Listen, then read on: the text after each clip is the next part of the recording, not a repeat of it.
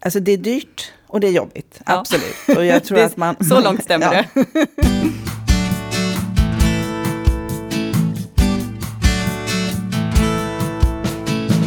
Hej och välkommen till Deloittes Mobility-podd. Podden där vi diskuterar global mobilitet. Och med det menar vi internationell personalförflyttning. Och vilka är vi då? Jo, jag heter Martina Junge. Jag är skattejurist och jag jobbar på Deloitte med internationell mobilitet. Och det har jag gjort i ungefär sju år. Och jag har en kollega med mig här. Hej, Johan Sander heter jag. Eh, jag är också skattejurist och partner på Deloitte. Jag har arbetat med internationell personalförflyttning i 23 år och tycker det är fantastiskt roligt. Nu sitter vi här Johan, äntligen, som vi har väntat och planerat det här. Det ska bli väldigt roligt och jag tror att vi har, kommer få väldigt många lyssnare som är intresserade av det här. Vad tänker du är liksom syftet med den här podden egentligen? Ja, eh, syftet med Deloittes mobilitetspodd är att förklara de frågor som uppstår när man jobbar över gränserna. Det finns jättemånga utmaningar. Det är svåra frågor och det är strategiska frågor, det är detaljfrågor. Men jag, jag tror att syftet med det här, våran podd, är att vi ska vara pragmatiska och förklara hur gör man så man kan genomföra eh, ut, utstationeringar. Mm, men det där, jag tycker det låter jättebra. Eh, och, och, min tanke också lite är att den här podden ska ge någonting för alla som lyssnar oavsett om man eh, knappt har börjat jobba med internationell mobilitet eller om man har jobbat i 30 år med det. Det ska liksom finnas någonting för alla. En grundläggande kunskap, inspiration, tips, eh, hur kan man tänka, vilka frågor finns det och så vidare. och så vidare. Ja, det ska bli jätteroligt. Mm. Vad kommer vi prata om då? Lite ja, mer konkret sådär. Ja, vi kommer ha 12 avsnitt.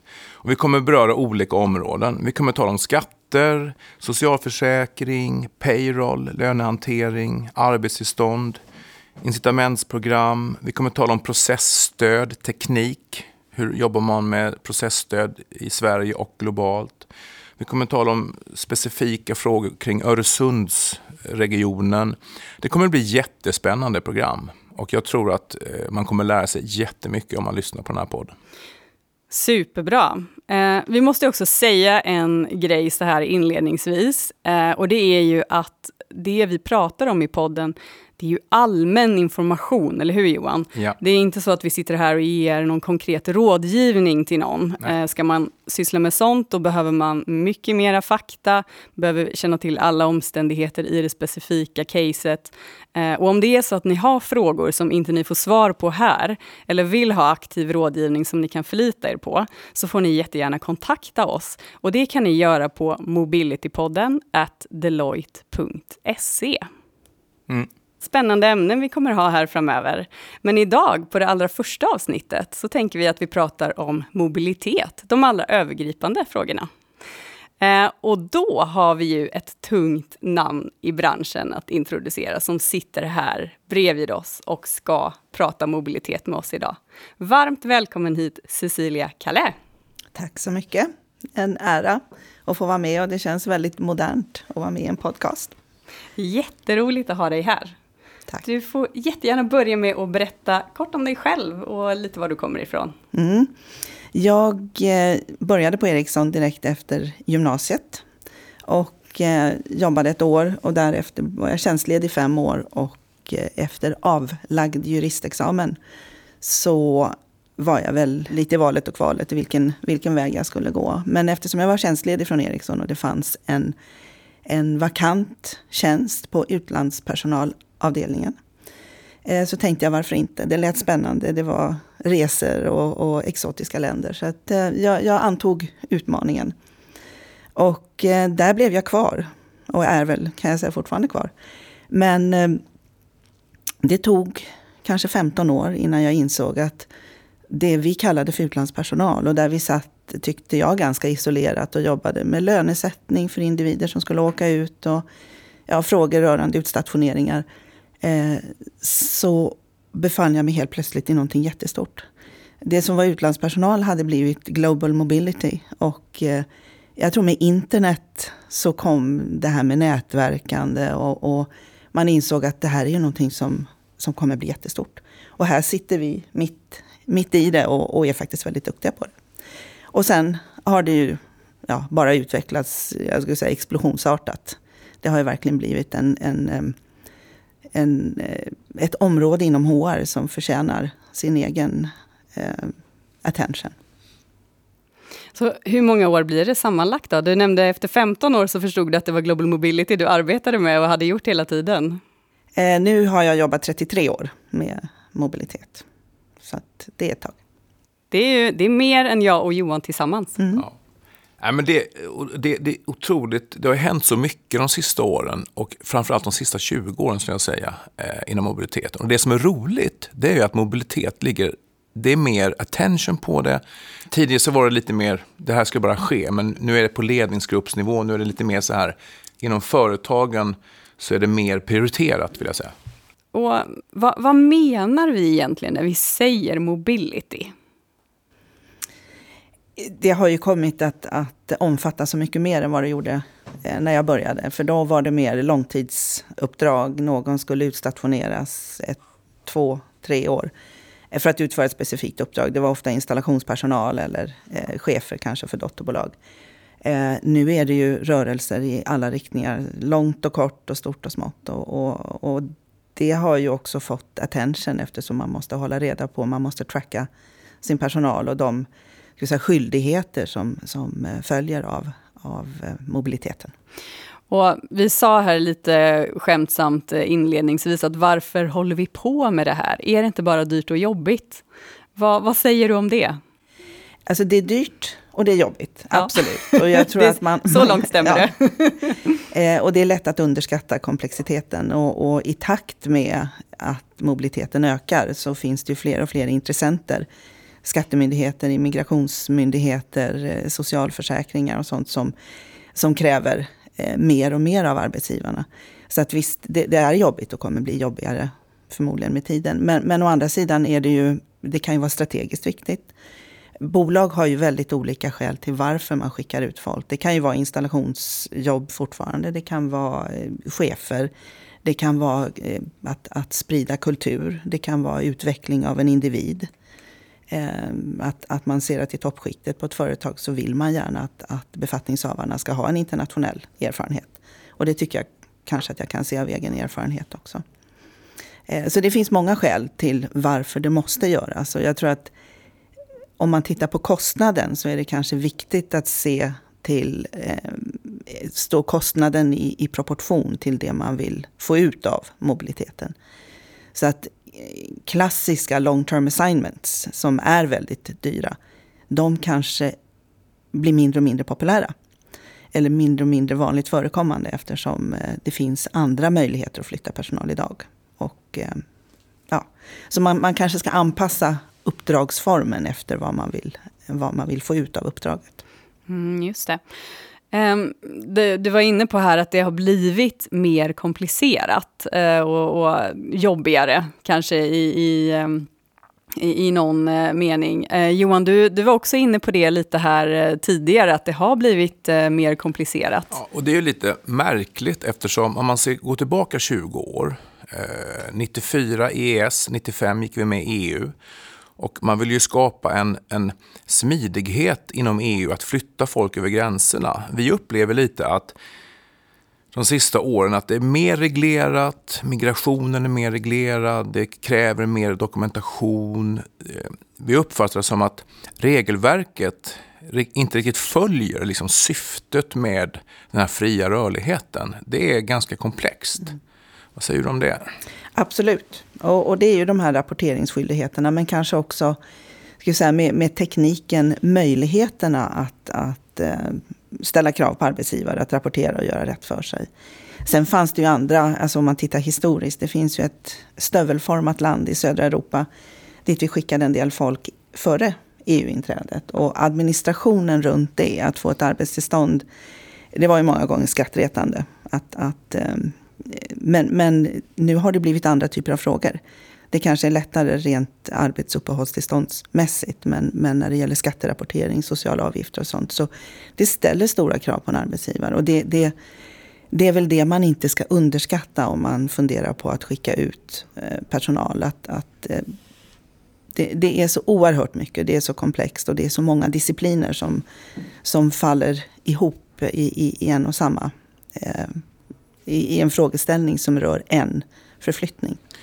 Cecilia, får jag fråga en sak? När ni, du berättade när du började på Ericsson så hade ni ju en utlandspersonalgrupp och så vidare. Och ni har ju kommit jättelångt i er mobilitetsprocedur, eh, logistik. Ni har en jättefin plattform på plats. Vad är ditt råd till företag som är mindre och som börjar skicka ut folk? Vad, är, vad ska man börja med? Alltså, har man inte tillräckligt stor volym för att bygga upp en enhet, eh, alltså bygga upp kompetens inhouse, så skulle jag rekommendera att man, man söker hjälp utifrån. För det finns alldeles för många fallgropar och det finns alldeles för många misstag och förbiseenden som, som man kan råka ut för. Eh, sen tror jag det beror mycket på hur företaget ser ut. Vi har ju, eller jag har alltid haft fördel, förmånen att jobba med företag alltså där det finns ett mottagande bolag. Eh, det är klart en stor skillnad om man ska skicka någon till ett land där man inte har någon, någon verksamhet utan det är någon som ska öppna upp en marknad till exempel. Ehm, men, men eh, underskatta inte komplexiteten utan har man inte resurser att bygga upp kompetens inhouse så sök hjälp utifrån.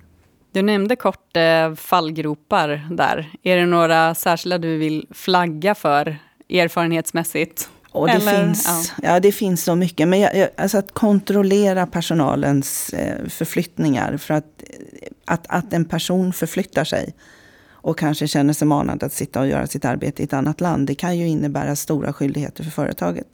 Som man kanske inte har samtyckt till eller godkänt.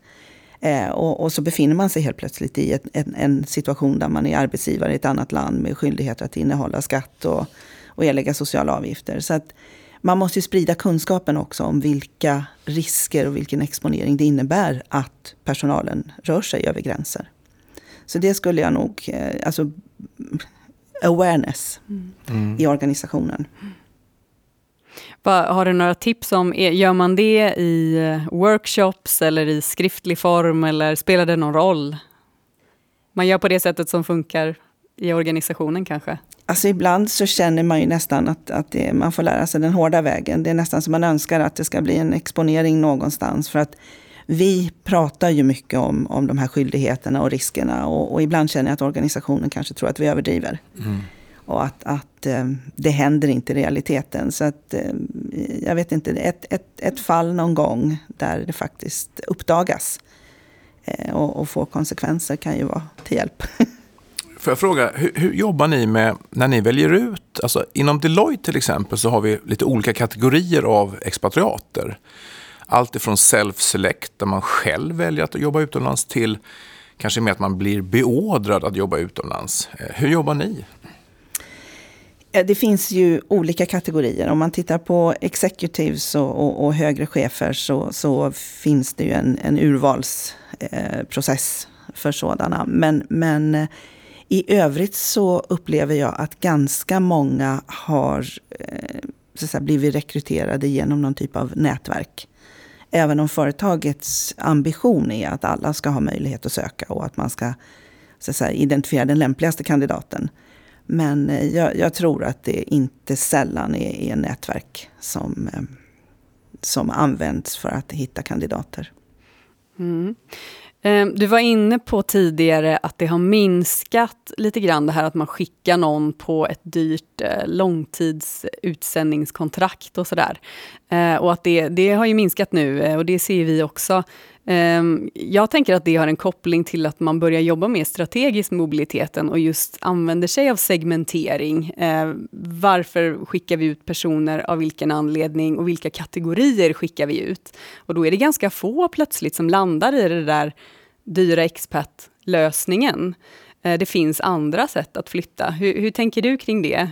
Ser du den kopplingen eller?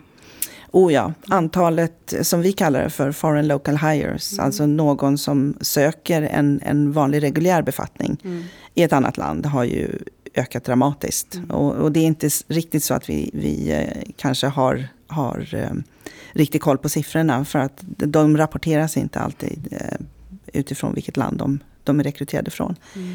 Men det ser man ju en, en, en stor rörlighet. Och, och, jag tror att många Eh, ska vi säga, de som söker sig ut, de skulle ha åkt utomlands i alla fall. Det finns ett driv, det finns en önskan, en nyfikenhet på att jobba i ett annat land. Mm. Med eller utan en arbetsgivare som, som faciliterar det. Mm.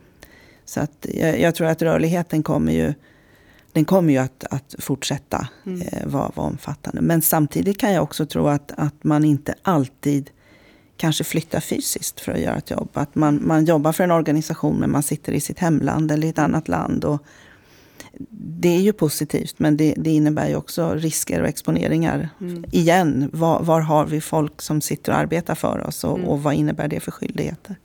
Precis, för det, du, vi kan flika in där, det Cecilia är inne på här, det är ju att Sitter man då som anställd och, och liksom utför ett företags verksamhet från en plats, eh, som kanske är hemmet till exempel, då finns det ju en risk att arbetsgivaren har ett så kallat fast driftställe där.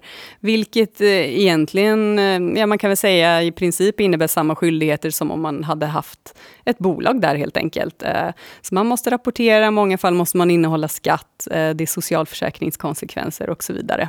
Och inte sällan ska jag säga så, så hör man om de som åker ut på långtidsuppdrag, den, den gamla klassiska varianten. Att eh, medföljande har gjort en, en eh, överenskommelse med sin arbetsgivare om att fortsätta utföra sitt arbete, men ifrån det nya landet. Och eh, där skulle jag ju vilja mana till försiktighet, att man som arbetsgivare inte eh, alltid tillåter att anställda tar med sig jobbet och utför det någon annanstans utan att ha undersökt vad det innebär i former av skyldigheter. Mm, jätteviktigt. Um, mm.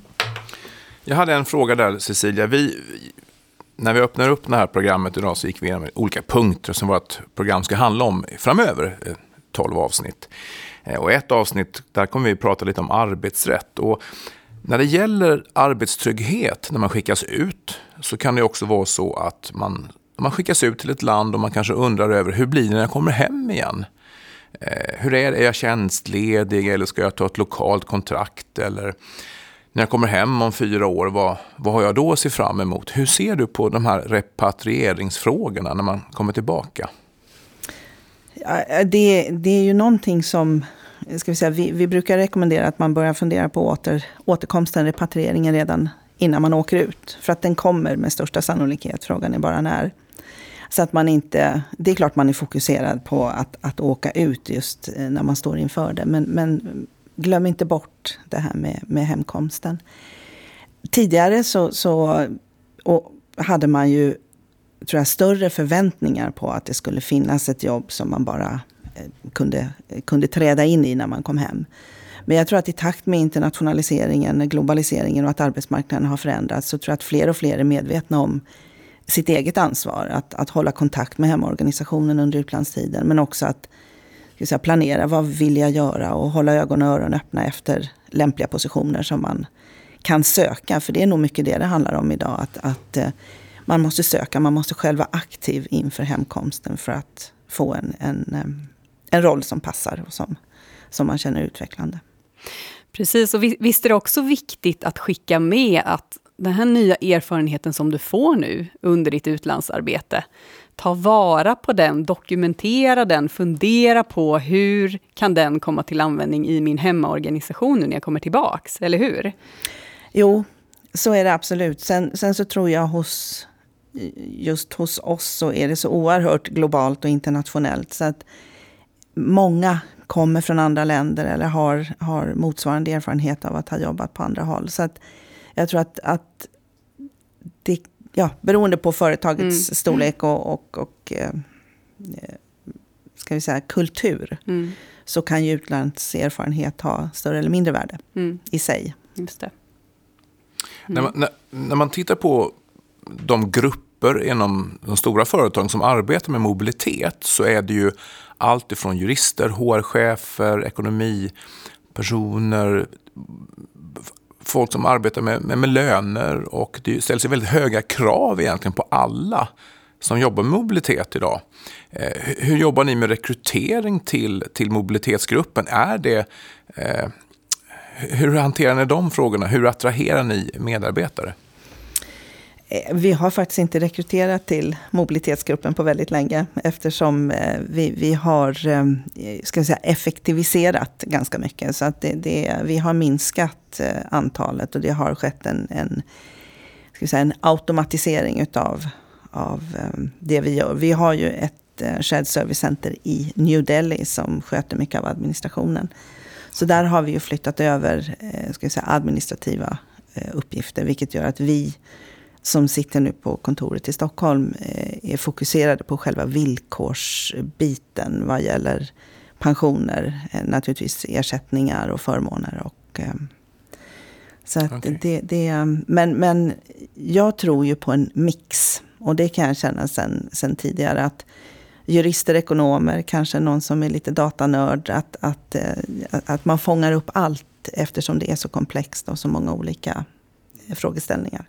För vi, vi har egentligen samma frågor som många andra bolag, att man, man, man outsourcar en del av sin verksamhet och vissa saker gör man själv, man försöker effektivisera, många jobbar med robotics. Eh, det händer ganska mycket nu och vi ska digitaliseras, men någonstans så ska ju liksom fundamenta fungera och man vill ha kontroll på de man skickar ut och att det är ordning och reda. Och det upplever åtminstone vi, att, att det finns liksom en, det är en utmaning att effektivisera och samtidigt ha, ha väldigt bra kontroll.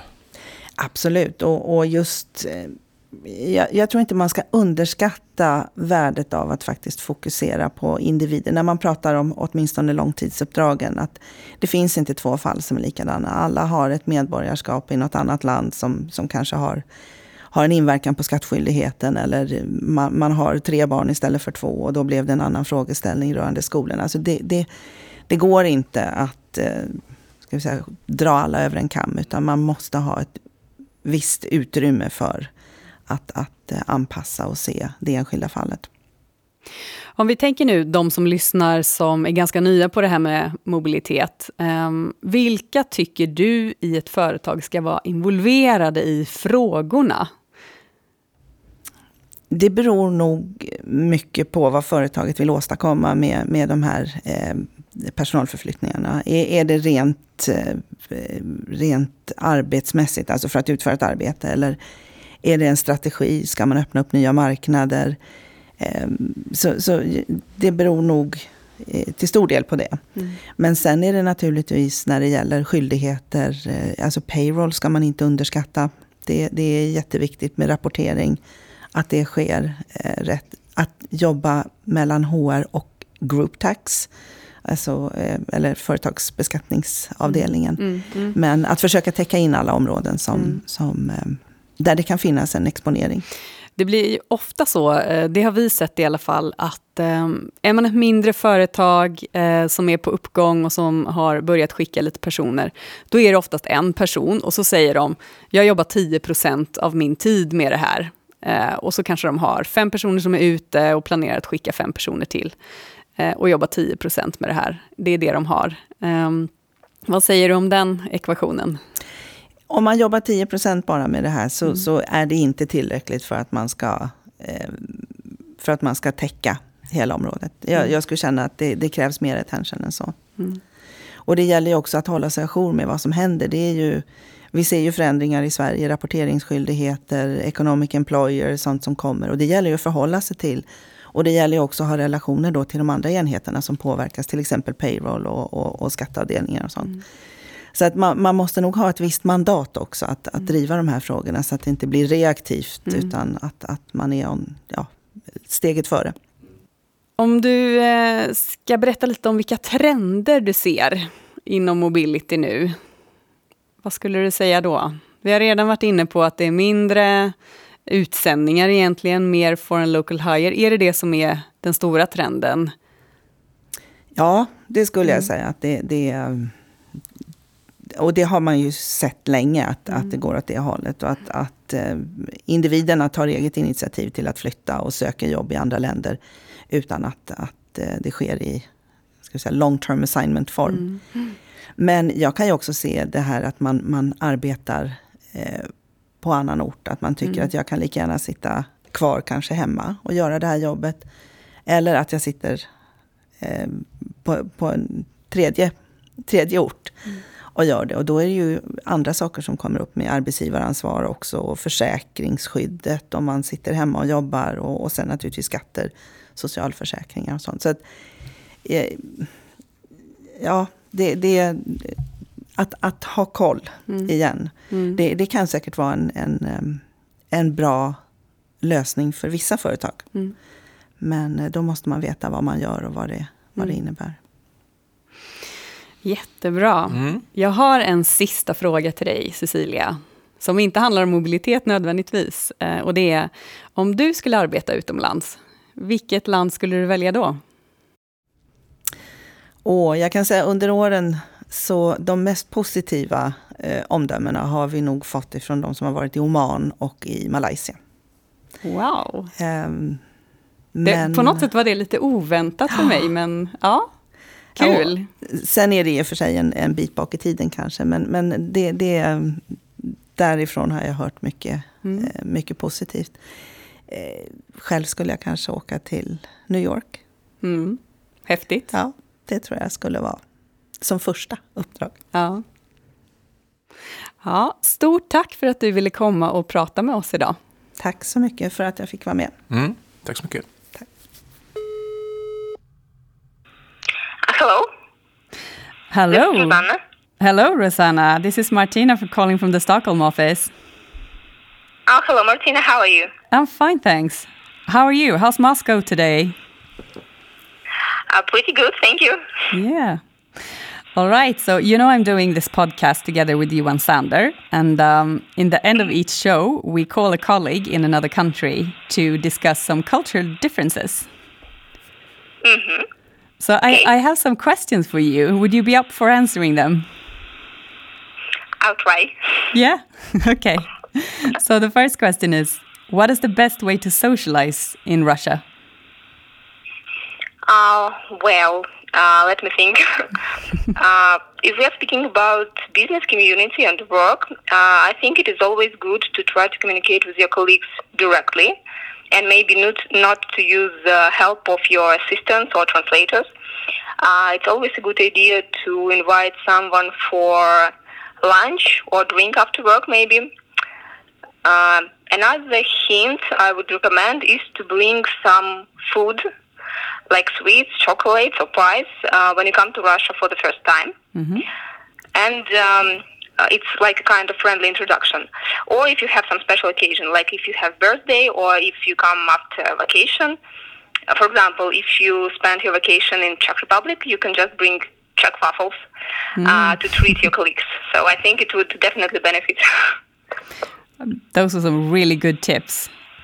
Um, and if I was invited to someone's home, what should I keep in mind? Uh, well, if you're invited to someone's home in Russia, the first thing you should remember, I think, is to bring some small gift with you. It, it could be a bottle of wine, or it could be chocolates, or a bouquet of flowers, if we're speaking about a woman. Uh, but my own recommendation is not to bring licorice because, mm-hmm. uh, to be honest, I have not met a single person in Russia who would uh, like the taste of it. Really? Um, you know, it's really popular in Sweden. Yeah, yeah, that, that, that's why I'm speaking about oh. it because um, I faced this uh, several times when I tried, but um, unfortunately I don't like, and my colleagues mm. I discussed with them as well. They don't like it at all. okay, valuable tip there. No licorice. Okay, noted. Um, uh, in a business meeting, then, do's and don'ts. Well, besides general rules like um, don't be late and get prepared, it's, it's obvious for, for all countries, I think.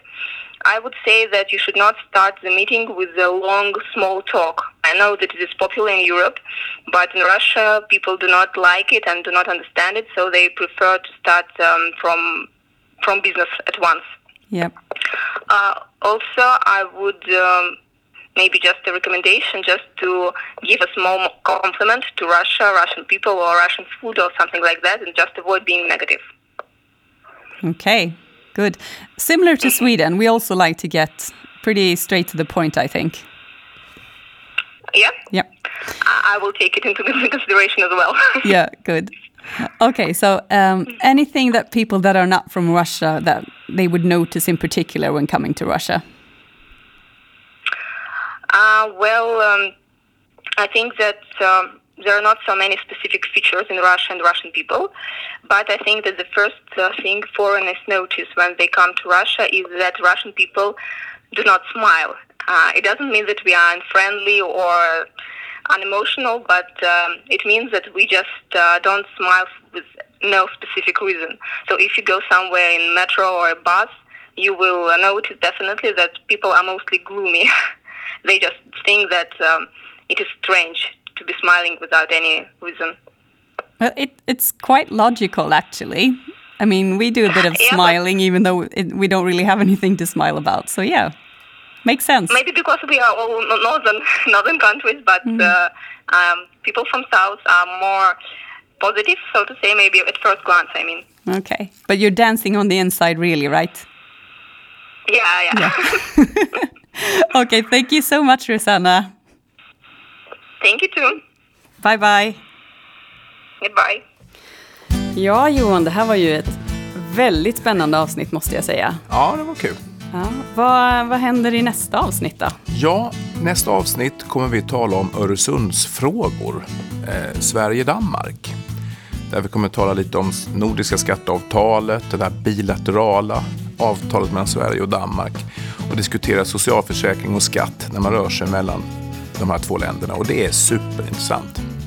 Så jag hoppas verkligen att många kommer att lyssna nästa gång vi kör. Precis, då bjuder vi ju hit vår alldeles egna Anders Lagerholm som är expert på de här frågorna, jobbar på vårt Malmökontor. Ja, Anders har lång erfarenhet och han kommer gå igenom det här och det ser jag jättemycket fram emot. Ehm, Johan, eh, har du funderat på att arbeta i Ryssland någon gång? Eh, jag har faktiskt tänkt tanken eftersom man betalar bara 13% skatter.